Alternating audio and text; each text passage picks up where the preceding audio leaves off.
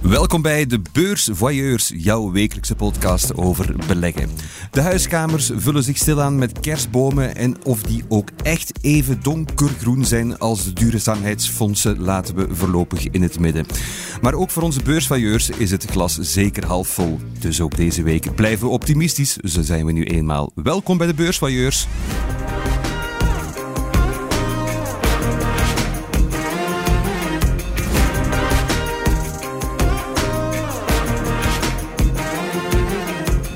Ook onze getrouwe beursvoyeurs rond de tafel zijn onverdunde positivo's en luisteren vandaag naar de namen Bas van der Hout en Frank de Mol. Dag heren, Hey. hartelijk welkom. Alles goed met jullie? Yep. Uitstekend. In onze centrale stoel vandaag een man waarvan mijn kinderen alvast goed zijn voor ruim 50% van de totale jaarlijkse omzet van het bedrijf waar hij voor werkt. Meer dan 30 jaar ervaring in retail, meer bepaald in de voedingsindustrie. Naast general manager is hij zeker ook eh, een people manager en een notoir wijnliefhebber. Dat ook nog eens. Welkom, Luc Hoube. Dag Thomas. We hebben er al genoeg naar verwezen in onze boodschap op het eind van de vorige aflevering en eh, nu in jouw persoonlijke intro. Maar wa- waar sta je nu eigenlijk aan het hoofd van? Wel, ik sta aan het hoofd van een commerciële organisatie die het producten zoals Kellogg's, de ontbijtgranen, maar ook eh, Pringles die we laten produceren in Mechelen hier, commercialiseert, transporteert naar de klanten, ervoor zorgt dat eh, de onderhandelingen vlot verlopen, dat we een goede relatie opbouwen met de retailers die er vandaag bestaan. Mhm. Maar eh, je mag het wel toegeven hier. Wat zijn jouw favoriete cornflakes? Ik, ik ga de gezonde tour op en ik ga echt naar Olbren. Omdat Ah, ja. daar eh, het fibergehalte is daar eh, fantastisch mooi. En het helpt mij met alles wat het moet helpen. Ah, dat is, dat is veel details in één keer. Maar, Ja. maar ik volg het wel. Dus, ja, goed. Je bent al 30 jaar actief in een eh, levensnoodzakelijke sector. Je hebt een pandemie ook meegemaakt daar. Wat was je echte hoogtepunt uit je carrière tot dusver? Wel, ik denk dat we tot nu toe eigenlijk de laatste drie jaar moeten bekijken. Want de wereld is toch ontzettend veranderd. Waar je je op kunt voorbereiden, dat hebben we de laatste jaren gehad. Maar de laatste drie jaar, daar kon niemand zich op voorbereiden. Nee. En ik denk waar ik echt trots op ben, is de manier waarop dat het bedrijf, en mezelf inclusief dan, eh, zijn omgegaan met de mensen. We hebben geen tijdelijke werkloosheid gehad. We hebben voor onze mensen gezorgd.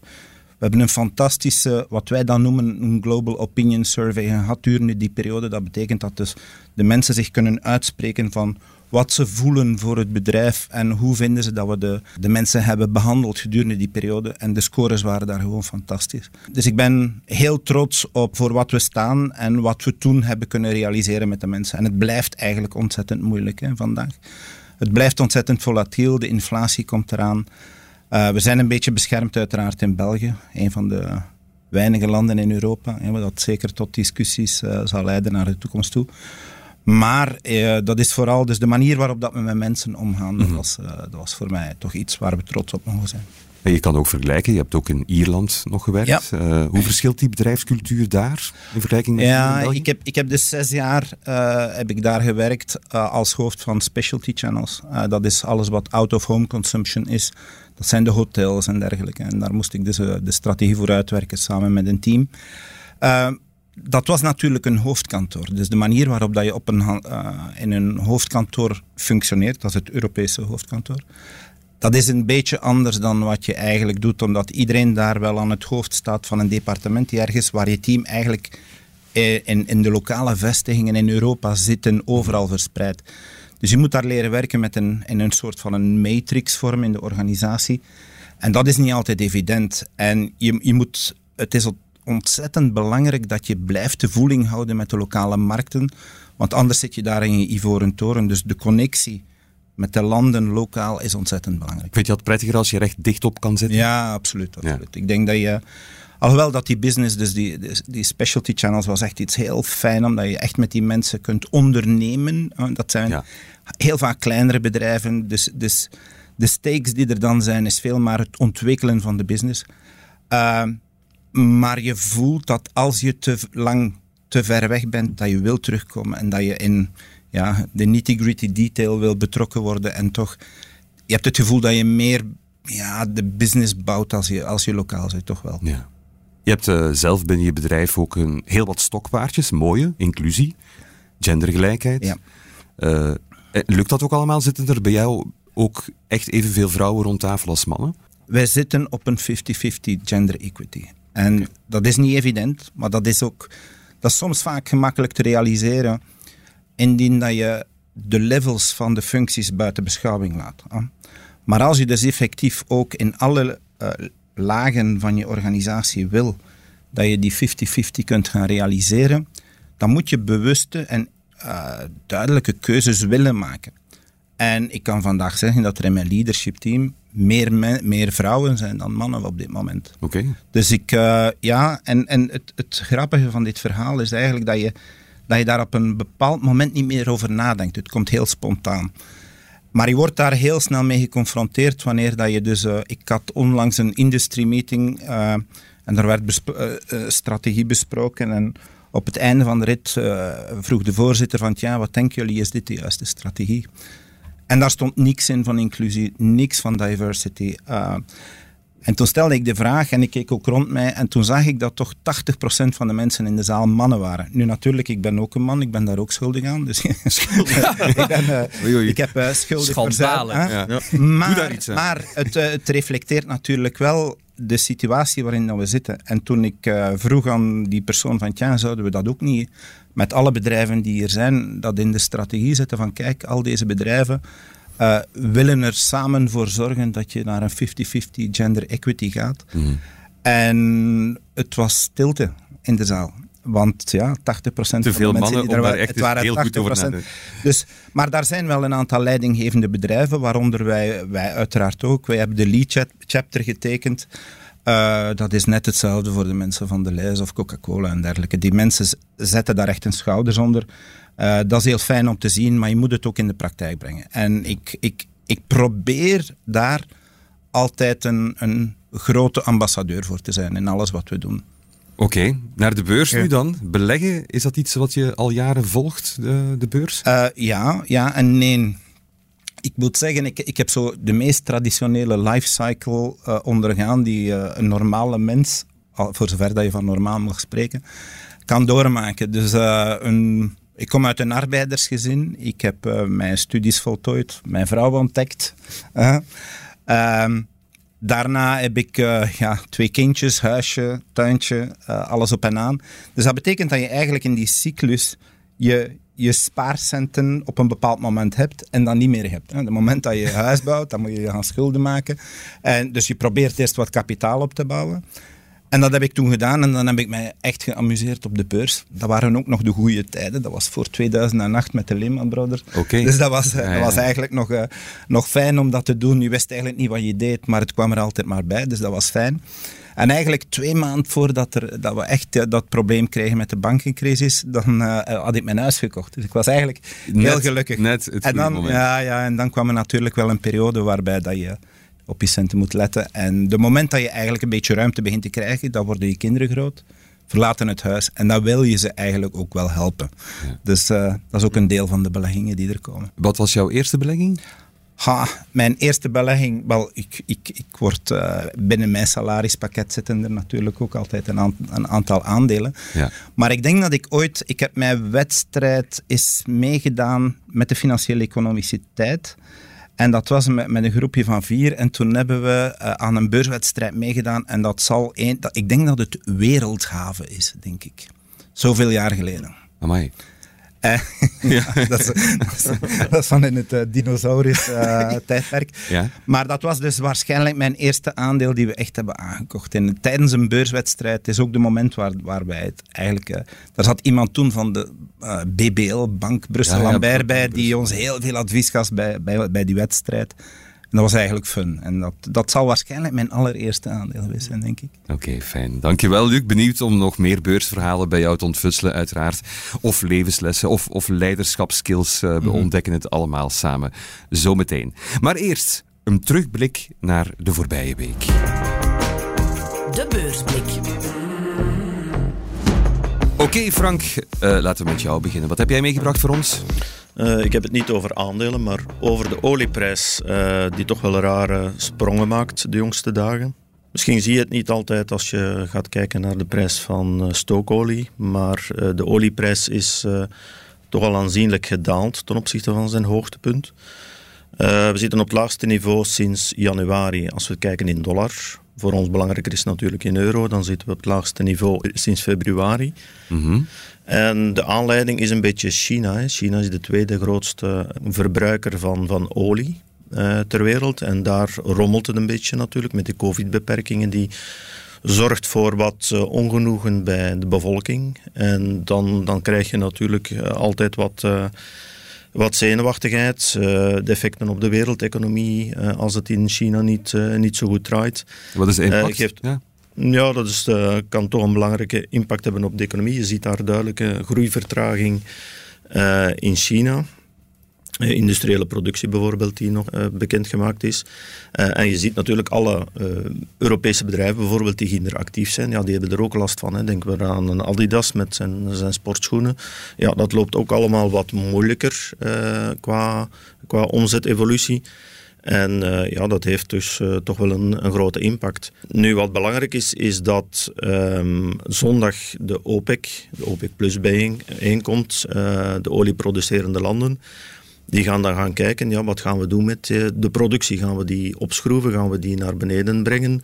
om die olieprijs eventueel terug wat, uh, wat op te krikken. Wat denk jij? Wel, de meningen zijn heel sterk verdeeld. Hè. Dus een, een, week geleden sprak men nog van een eventuele verhoging van, uh, er waren er geruchten over een verhoging van de olieproductie, wat, wat toen wat uh, merkwaardig leek. Uh, nu spreekt men eventueel van een verlaging van die productie of, of eventueel stabiel. Dus men weet niet goed uh, uh, wat af en aan. En dan zie je ook dat die olieprijs ook niet goed weet wat, wat te doen. Hè. Je had begin van de week een, een, een, aanzienlijke daling. Dan heb je nu terug weer wat herstel. dus we zullen moeten afwachten wat het effectief geeft. maar op zich is natuurlijk die daling van die olieprijs belangrijk voor de inflatie. Die je ziet daar al kleine effecten van. Die inflatie die nu in Duitsland wat gedaald is, ook in België uh, wat gedaald Hoeveel is. dat nu? Uh, we zitten iets boven de 10 procent, ja. dus dat, uh, dat is toch al wat minder. Blijft natuurlijk, blijft natuurlijk nog altijd heel hoog. En we zullen moeten afwachten of dat we op de piek zitten. Nu, wat belangrijk is, dat we alle grondstoffen uh, samen nemen. Dus niet alleen de olieprijs, maar ook gas, uh, ook metalen, koper enzovoort. ook zachte grondstoffen. Wel, dan zagen we tot hiertoe dat in dollar uitgedrukt er al een duidelijke daling was, maar in euro nog niet. Maar dat zien we nu de jongste weken wel.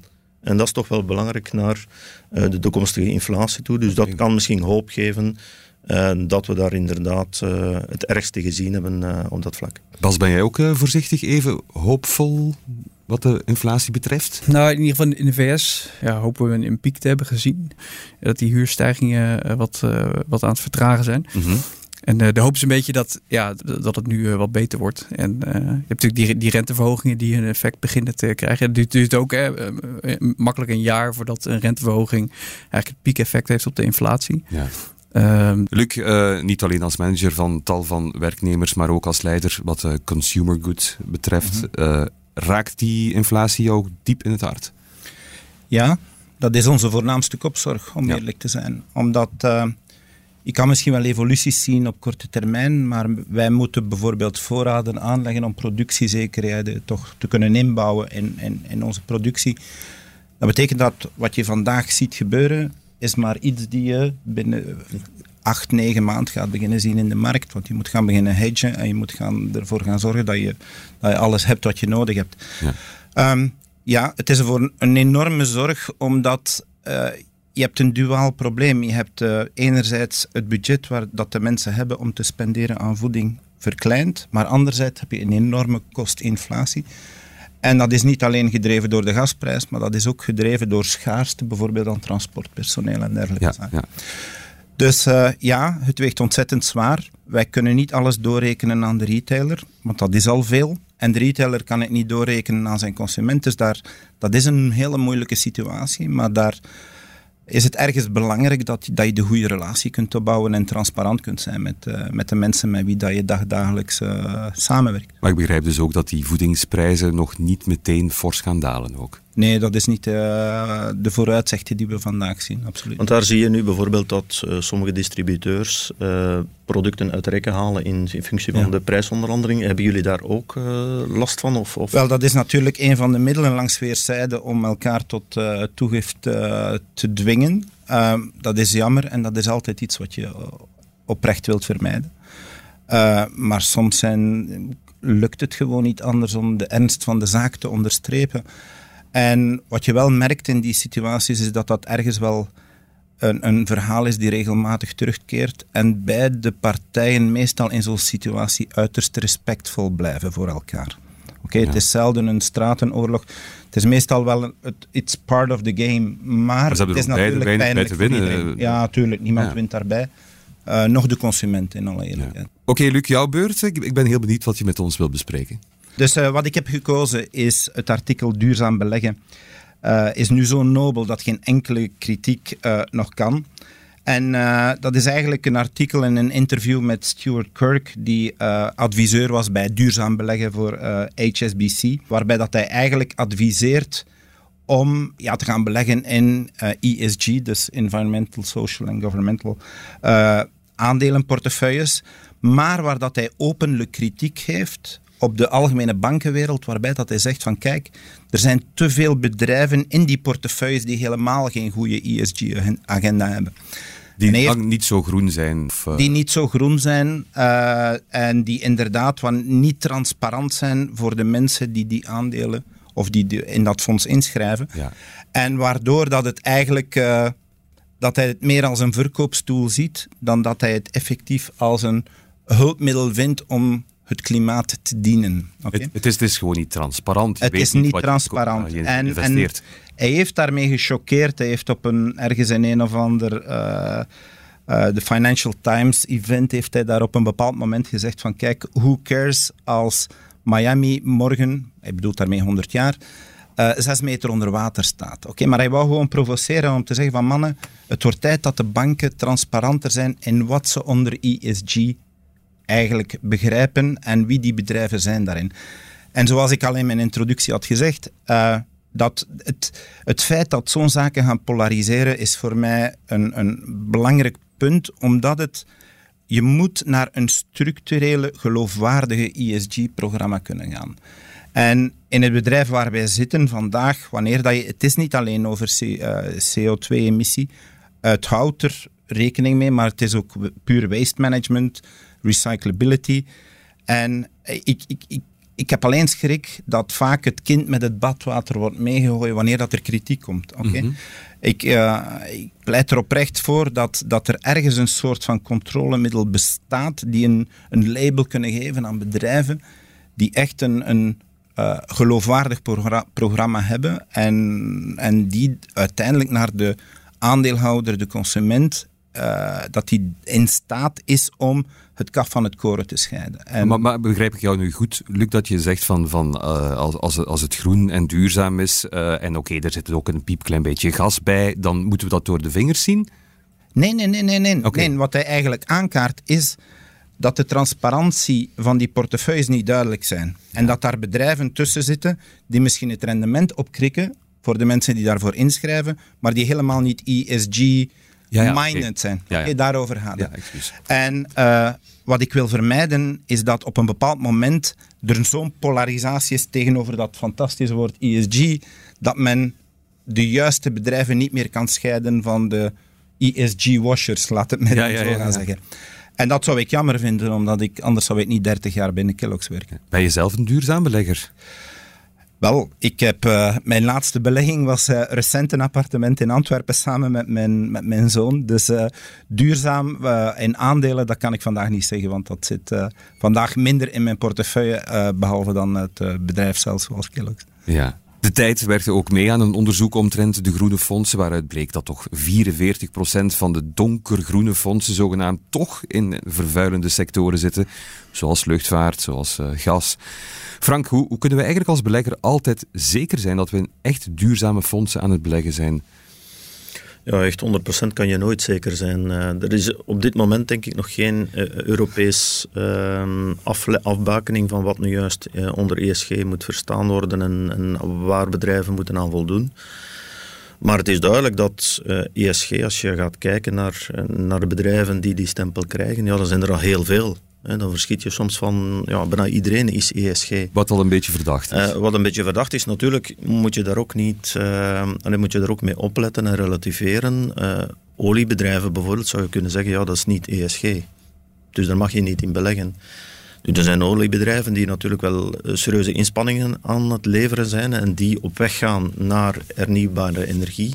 Denk aan Total Energies, die ook, ook bezig is met laadstations enzovoort eh, voor elektrische wagens.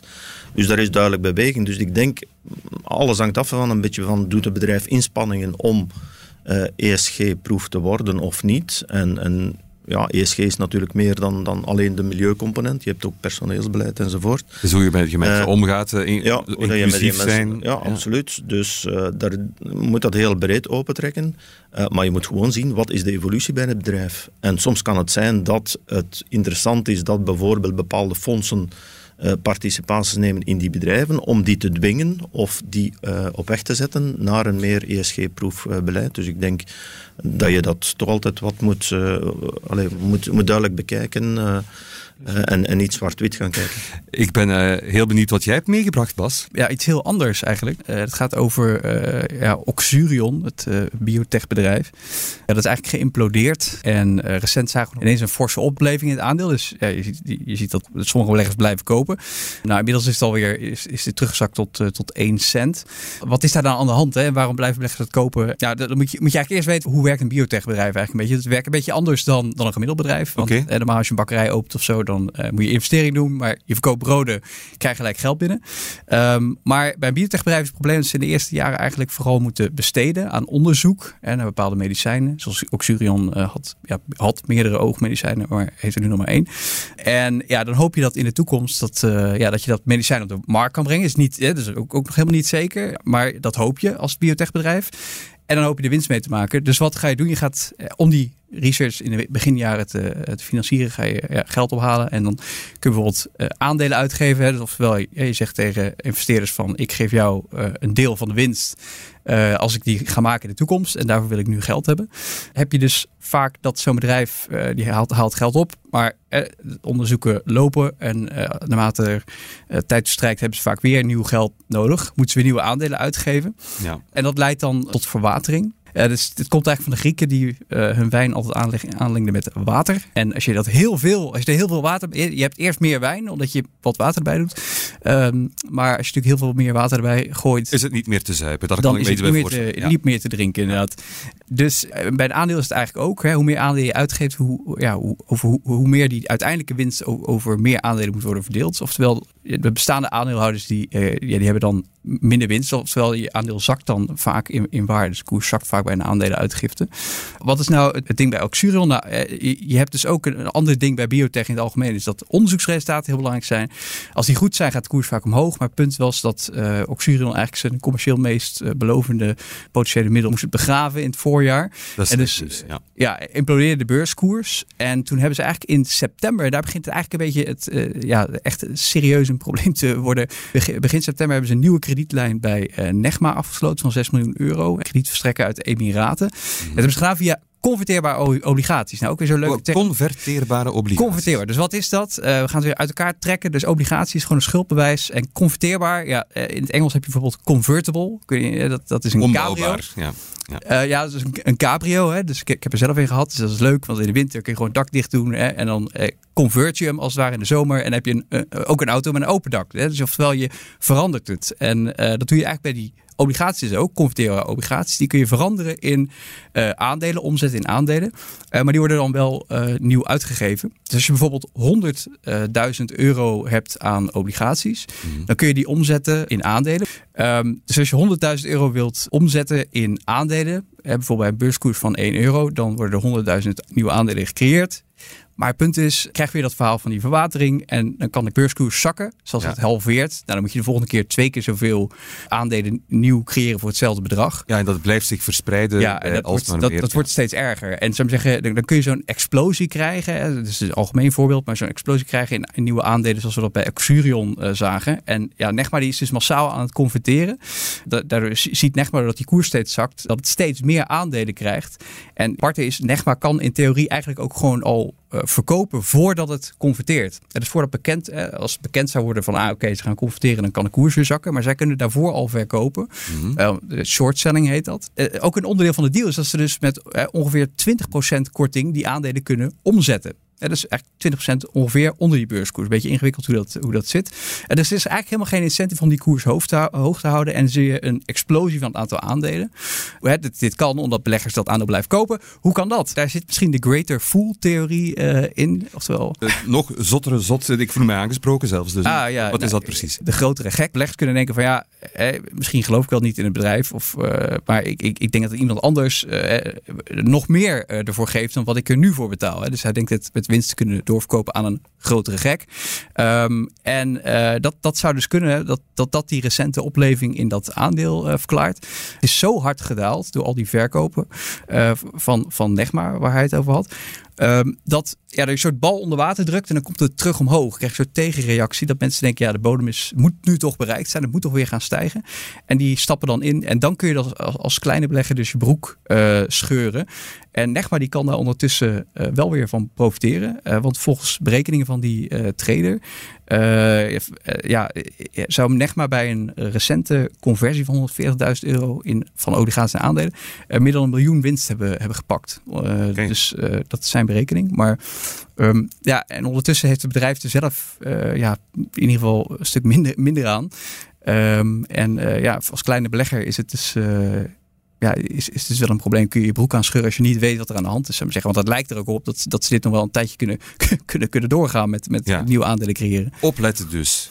Ja, Dat is de boodschap. Frank, ken je ook eh, bedrijven die op dezelfde, nogal voor mij ingewikkelde manier werken? ja. Ja, niet helemaal hetzelfde natuurlijk. eh, maar je zou kunnen verwijzen naar Mitra. Alleen eh, is daar wel het verschil dat ze al effectief een product op de markt hebben. En dat er nu mogelijk een eh, deal, eh commercieel deal kan worden afgesloten rond, rond Donesta. Dat is een, een middel tegen de, de menopauze. Dus, dat, eh, dus daar heb je effectief nog nieuws. Hè.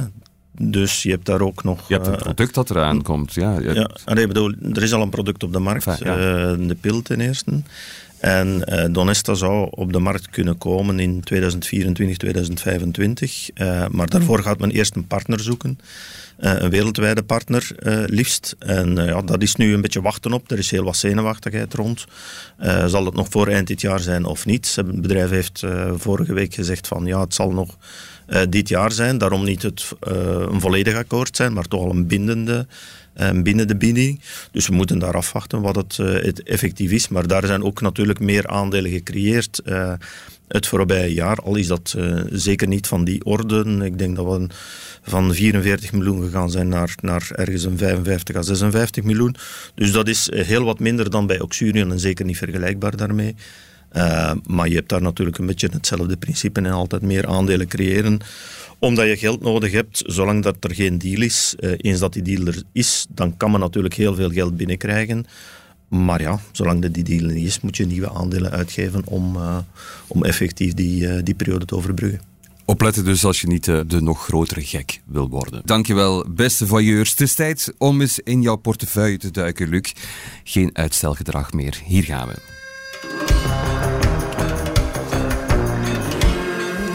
Show me the money. Luc, we komen dus nu bij het gedeelte van de show waar onze vragencomputer het overneemt. Eh, dat is Wanda. Wanda Buffett zal de show stelen. Op dit moment zitten er 20 vragen in Wanda verstopt. We vragen een cijfer van 1 tot 20 op te roepen en dan komt daar meteen een vraag uit. Zo simpel is het. Ben je daar klaar voor, Luc? Absoluut. Ik begin met een Lucky Seven. Lucky 7. Even luisteren welke vraag dat oplevert. Van welke gemiste belegging heb je het meeste spijt? Zeer interessant, Wanda. Ik ben heel benieuwd naar het antwoord en dat horen we zo meteen na dit. Luc Hoube, general manager bij Kellogg's Benelux, is hier bij ons te gast vandaag. En Wanda vraagt hem de kleren van het lijf op dit moment. Enfin, ze is nog maar pas begonnen. De eerste vraag is gesteld. Heb je ooit een gemiste kans gezien waar je nu spijt van hebt, Luc? Ja, absoluut. Ik denk dat er, dat er twee momenten geweest zijn in mijn jonge leven, mag ik het zo zeggen. Mag. Waarbij ik eigenlijk een, een gebrek aan moed heb getoond. En dat was inderdaad in, in 2008, na de, na de crash, waar er fantastische opportuniteiten zijn geweest als, als je het een jaar later bekijkt. Ja. En eigenlijk heel recent ook, wanneer dat, je, dat het kapitaal zo goedkoop was als particulier. Dan denk ik dat dit echt het uh, ongelooflijke moment was om nog sneller op de bal te spelen. En uh, dan niet naar de beurs te strekken, maar uh, naar, naar ja, vastgoed te trekken. dat zijn twee momenten waar je, als je het nu bekijkt, dat daar toch wel een enorme stap kon en, en is gezet geweest. Ja, en, en, concreet qua aandelen, mag je, mag je dat verklappen? Nee, in die tijd, goh, ik was toen ook in, ik, ik leefde toen in Dublin ook, op dat moment in 2008. En toen was het natuurlijk wel, uh, toen had je daar de, de Celtic Tiger die begon te kelderen langs alle kanten. En toen had je echt spookgemeentes en dorpen waar de, niks niet meer afgewerkt was. En daar waren toen inderdaad een aantal uh, projecten bezig waar men achteraf zei van kijk, uh, wil je daar niet instappen? Toen heb ik getwijfeld. Maar had ik dat nu gedaan, dan, dan was dat vervijf, zesvoudigd. Want veel mensen zaten toen in negative equity, omdat ze moesten afbetalen voor een, een huis die helemaal de waarde niet meer had dan dat het voorheen had. En had ik er toen ingestapt voor twee keer geen geld, dan, dan was ik nu anders. Binnen, binnen. Ja. ja, ja. Oké, okay. nog een cijfertje. We gaan naar de acht, hè. Naar de acht. Ja. Hier gaan we. Wat is je meest recente belegging?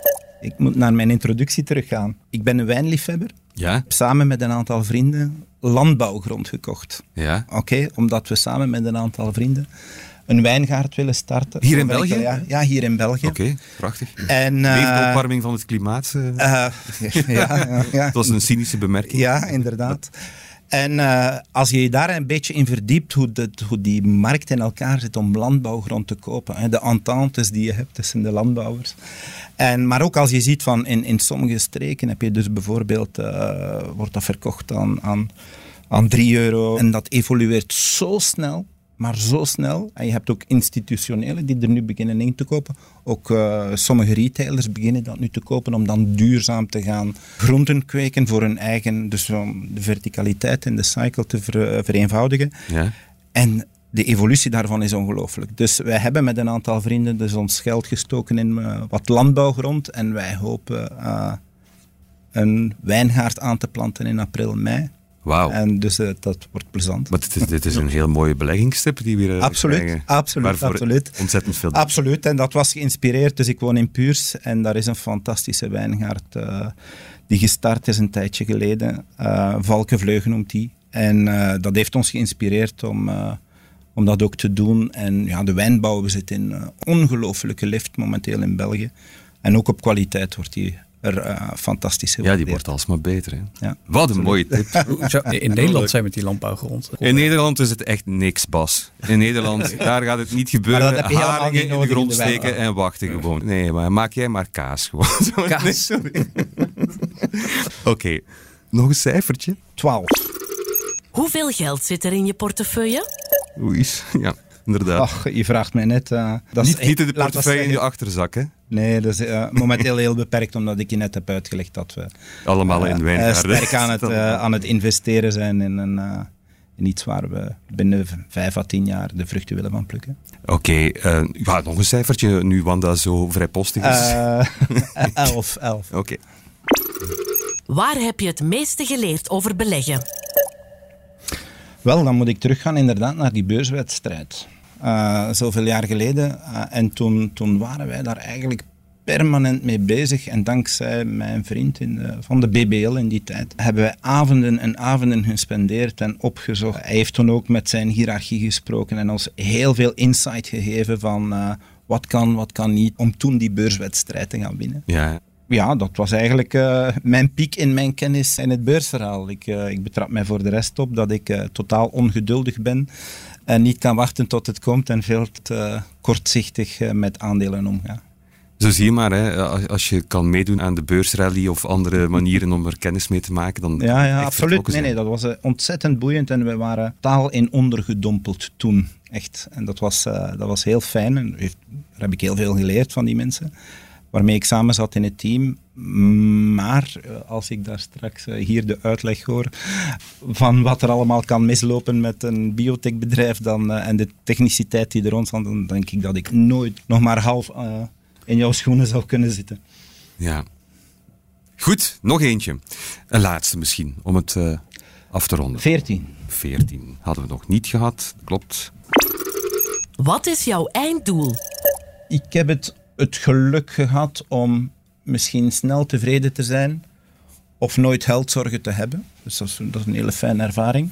Maar daar zit geen rijkdom. Ik bedoel, de rijkdom zit niet in geld. Dat is een, een, een, een absurde cliché, ik weet het wel, maar er is toch wel iets van waarheid in. Dus mijn einddoel zit zeker niet om, uh, om geld te verzamelen op de beurs. Het, het, het, het moet een doel hebben. Hè? Het moet een doel hebben. En een doel is gelukkig te zijn en het doel is, is oh, het is zo cheesy eigenlijk, wat ik antwoord. Maar, maar, ik, maar ik geloof het, ik geloof het uit de grond van mijn hart. Dat is, uh, dat is een gezonde familie en gezonde vrienden en, en ja, gelukkig zijn. Mag dat? Dat mag je. Ik wens het jou van harte toe. Dank je wel om zo openhartig te zijn. Uh, en sorry voor Wanda nogmaals. Maar heel veel dank. Graag gedaan. Ik merk dat er gebeld wordt. Het is tijd om de telefoon even op te nemen, want we gaan een luisteraar helpen. Hulplijn. Waarin we ontzettend bereid zijn om u te helpen met al uw vragen als het over beleggen gaat, eh, tenminste. En we, daar bedoel ik vooral de drie heren hier naast mij mee. Onze luisteraar deze week is Simon. Dag Simon. Hallo.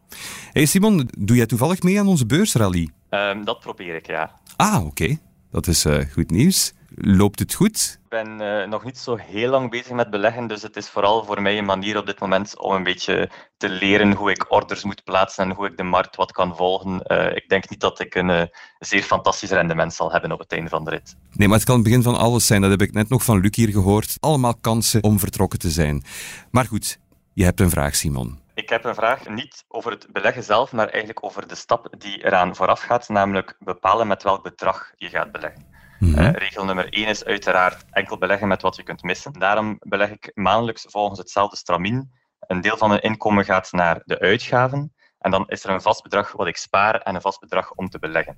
Mm -hmm. Nu, dat spaarboekje is intussen al uh, aangegroeid tot een vrij mooi bedrag en in het licht van de huidige inflatie, waar de waarde eigenlijk de werkelijke waarde van het spaarboekje alleen maar afneemt, vraag ik me meer en meer af of er niet een moment komt waarop het niet langer opportun is om maandelijks bij te sparen en het eigenlijk beter zou zijn om alles wat ik overhoud na uh, uitgaven te gaan beleggen.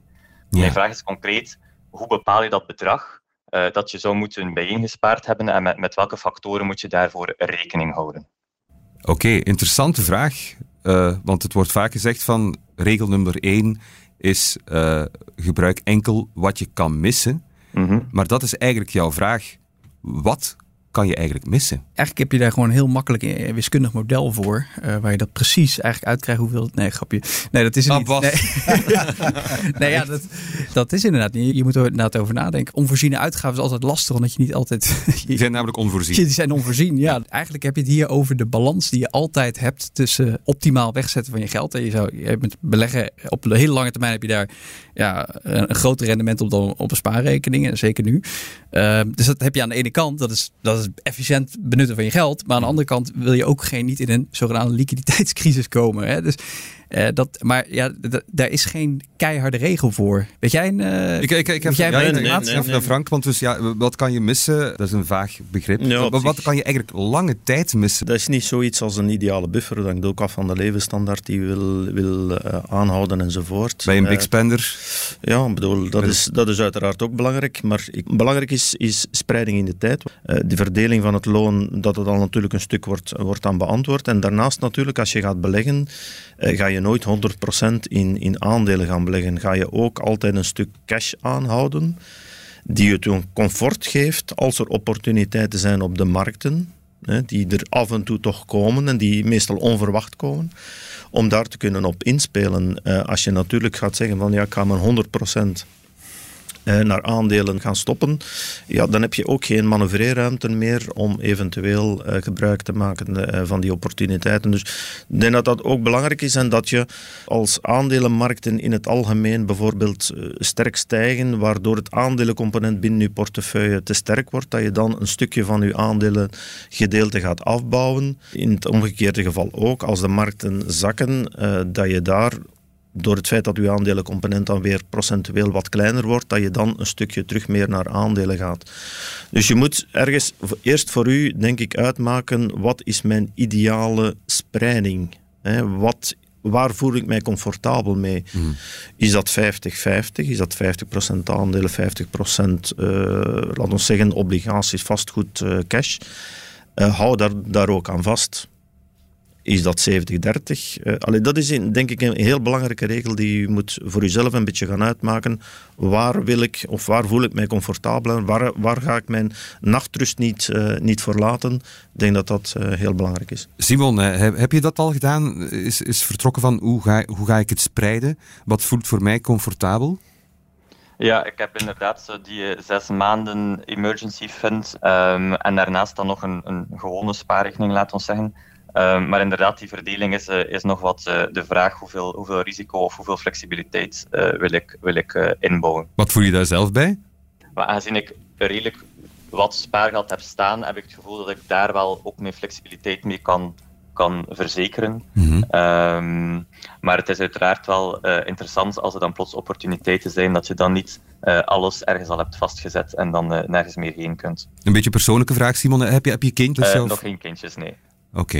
Je hebt enkel een, een lief om te onderhouden? dan? Ja, inderdaad. Oké. Ik, ik ga het eens aan Luc vragen. Wel, ik denk dat het heel belangrijk is, de vragen die je nu stelt eigenlijk. Hè. Hoe, hoe, is zijn, hoe ziet hij zijn eigen persoonlijke evolutie?